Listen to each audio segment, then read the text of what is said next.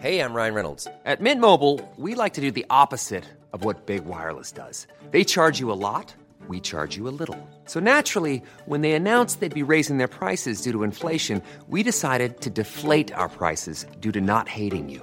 That's right. We're cutting the price of Mint Unlimited from $30 a month to just $15 a month. Give it a try at mintmobile.com slash switch. $45 upfront for three months plus taxes and fees. Promo rate for new customers for limited time. Unlimited more than 40 gigabytes per month. Slows. Full terms at mintmobile.com.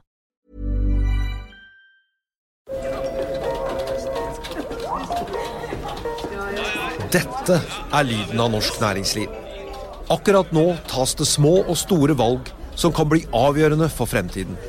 Med økonomisystemet X-Leger tas disse beslutningene basert på informasjon i sanntid, slik at drømmer og ambisjoner kan bli virkelighet. Få kontroll og oversikt. Gå inn på xledger.no. Denne sendingen er sponset av Xleger.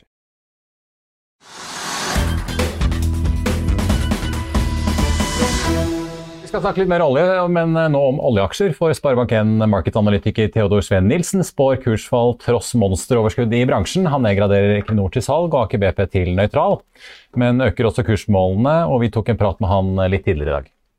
Theodor, takk for at du er med oss. Jeg får jo bare spørre, da. Tror du virkelig at festen snart er over?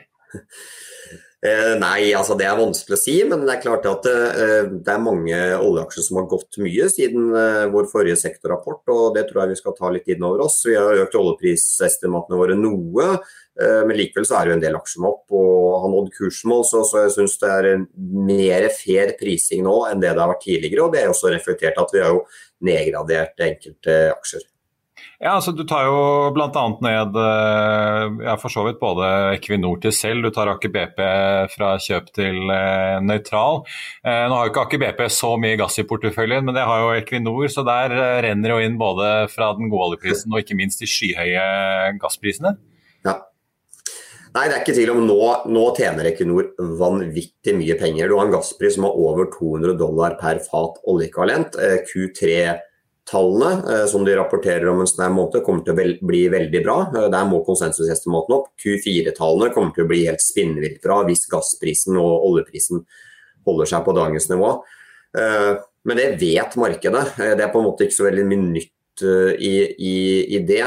Så mm, akkurat når det gjelder en salgsanbefaling på Equinor, er det klart at det der er jo noe av caset det at jeg tror gasspriser frem mot sommeren neste år vil normalisere seg, og at man ikke kan eh, ekstrapolere dagens vanvittig høye inntjening altfor langt frem i tid. Men, men, selvfølgelig, vi går inn i vintersesongen og noen sånn kollapser kollaps i gassprisen neste måned eller to. Kanskje vanskelig å se for seg. Nei, Nå ser vi jo EU diskutere om de skal bygge opp et strategisk gasslager, så da kan det jo være at det blir eh, litt etterspørsel til det òg. Men altså foreløpig ser vi jo at også oljeprisen holder seg veldig høy den eh, voldsomme kontantstrømmen som disse selskapene nå eh, ser at bare renner inn i kassene deres, hva tror du det vil føre til noe f.eks. mer utbytte? Vi har jo sett at Aker BP var jo i hvert fall eh, etter det verste stormen i fjor litt avholdende med å øke utbyttet for mye etter at bransjen fikk den oljeskattepakken? Ja, korte svar er ja. Så la meg kanskje to ting å ta tak i der. Det ene er Aker BP-utbytte. og jeg er jo helt enig i at der var det jo, De betaler mindre utbytte nå enn det de er i stand til å gjøre. og Det er jo pga. skattepakken at det har vært politisk kontroversielt å øke utbyttet for mye. Og spesielt for et selskap som Aker BP, som vi vet har vært ganske involvert i forhandlingene med, med politikere og myndigheter. Eh, så det er det. Når det gjelder utbyttepotensialet fremover, helt klart, her er det flere selskaper som kommer til å betale utbytte. Um, så f.eks. Av, de, uh, av de jeg har sett på en gruppe av 18 rene oljeselskaper som, som, vi dekker her, så var det seks av de som betalte utbytte i fjor. Uh, I 2023 så antar vi at 14 av de kommer til å betale utbytte.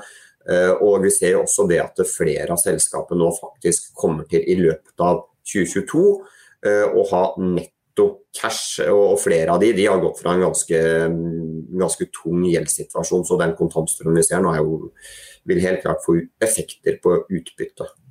Kredittratingene kommer i hvert fall kanskje til å bedre seg litt òg. Uh, men, men altså, de, alternativ er jo selvfølgelig utbytte, et annet er jo å sette pengene i flere prosjekter. men når du ser på type Aker BP og, og Equinor og Lundin, altså hvor mye potensial har de egentlig for å, for å sysselsette denne kapitalen? Da? Vi ser at de får jo ekstremt god avkastning på de prosjektene de har nå, i hvert fall. Ja, det er i hvert fall uh, får ekstremt god avkastning i oljeprosjektene. Eh, så, så, uh, så, der tror jeg det kommer noe mer. Ikke sånn helt vanvittig mye, men det er klart det at det er noen skatteinsentiver på norsk sokkel som gjør det at det å levere utbyggingsplan for et prosjekt innen utgangen av 2022 er veldig attraktivt. Så jeg forventer at Aker BP kommer til å jobbe hardt for å levere utbyggingsplan for Noaka. Det er et stort prosjekt i Nordsjøen som antagelig kommer til å begynne å produsere olje i 2027. Så de har nok å gjøre fremover. Når det gjelder Lundin, eh, så har jo de Edvard Grieg-området på Utsirahøyden, hvor de nå nylig har annonsert eh, First Oil på noe som heter Solveig. Så de har litt å ta tak i der, men mindre enn Aker BP. Og det betyr igjen at det, er, det blir vanvittig sterk kontantstrøm fra Lundin. Eh, de har også Wisting i Barentshavet som de vel kommer til å investere litt i, men der er det liten eierandel, så det betyr ikke så mye. Så, så det blir mye kontantstrøm der. Ja, altså Hvis man ser på disse oljeaksjene, da, og du, du, varsler litt som at investorene kanskje bør forberede seg på å ta litt profitt, at festen kanskje nærmer seg slutten i, i aksjemarkedet, i hvert fall etter hvert. Hvilke aksjer er det man bør satse på da, hvis man vil sitte i denne sektoren? Eh, nei, La meg først si at det er jo sånn festen over. Det er mer det at eh, vi har hatt Q4 oljeprisestimat på 80 dollar en stund, og nå, nå, er vi der. så Det er mer det at eh, kursen har tatt det innover seg. Men når det gjelder hvilke aksjer vi syns det er veldig bra risk reward på nå, så er det av de rene oljeaksjer. så Lundin liker vi kjempegodt. Uh, utbyttet kommer til å øke mye. Vi har en fantastisk avkastning på kapitalen, og det, de har bra, bra, veldig bra track record. Vi liker også Okea av, litt andre årsaker. De har jo eksponering mot de høye gassprisene nå. Um, det er et selskap som har relativt høy operasjonell giring, dvs. Si at de har høye driftskostnader per fat. Uh, og Det betyr at når oljeprisen øker og gassprisen øker, så får du mye mer bang for the bucks, eller kontantstrømmen øker mer i prosent. Så Det er vel av de to rene oljeselskapene. Er flere, flere vi liker, bare sånn jeg har sagt. Også og så er jo min kollega på, på Riggs-siden her, Vidar Lyngvær, er jo også trekker nå fram Valaris sånn som et, et bra bett, og, og ser jo det at det begynner faktisk å bevege seg litt grann i rigg-området også. Det er et område, liksom, en sektor hvor investorer har vært komplett uinteressert siden egentlig, si, siden høsten 2018. Ja, Rigg har jo vært relativt uh, makabert. Men altså, apropos hvis man ser på aksjeutviklingen uh, til disse oljeselskapene på Oslo Børs siden nyttår, så Selvfølgelig litt avhengig av hvilket perspektiv, tidsperspektiv man bruker, men, uh, men, det er jo stort sett Okea som kommer best ut med høyest kursoppgang. Altså Equinor er jo opp en 60% mens Hokea er opp eh, litt over, altså nesten 108 uh, eh, siden nyttår. Men du mener altså at potensialet der er ja, du, Det er morsomt å spørre om akkurat det der, egentlig. fordi I vår forrige sektorrapport så dro vi også frem Okea som blant våre beste ideer, av akkurat samme årsak. Høy operasjonell giring, høye olje- og gasspriser som gjør at nettogjeld kommer til å falle mye, kommer til å ha netto cash i løpet av 2022.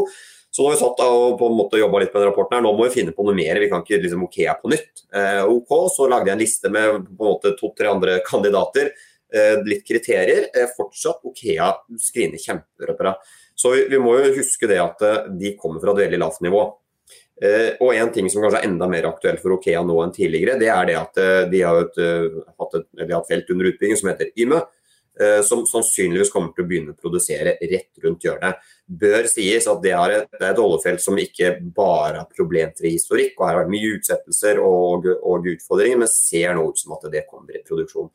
Så um, til, eh, til, litt over 80 dollar fatet, i hvert fall foreløpig. Ja. Theodor Svein Nilsen, takk skal du ha.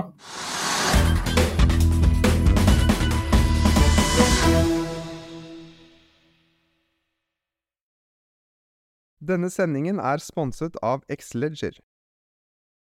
Økonominyhetene er en podkast og videoproduksjon fra Finansavisen. Programleder er Marius Lorentzen. Aksjekommentator er Karl Johan Molnes. Produsent er Bashar Johar. Podkast- og videoansvarlig er Marius Mørk Larsen. Og ansvarlig redaktør er Trygve Hegnar.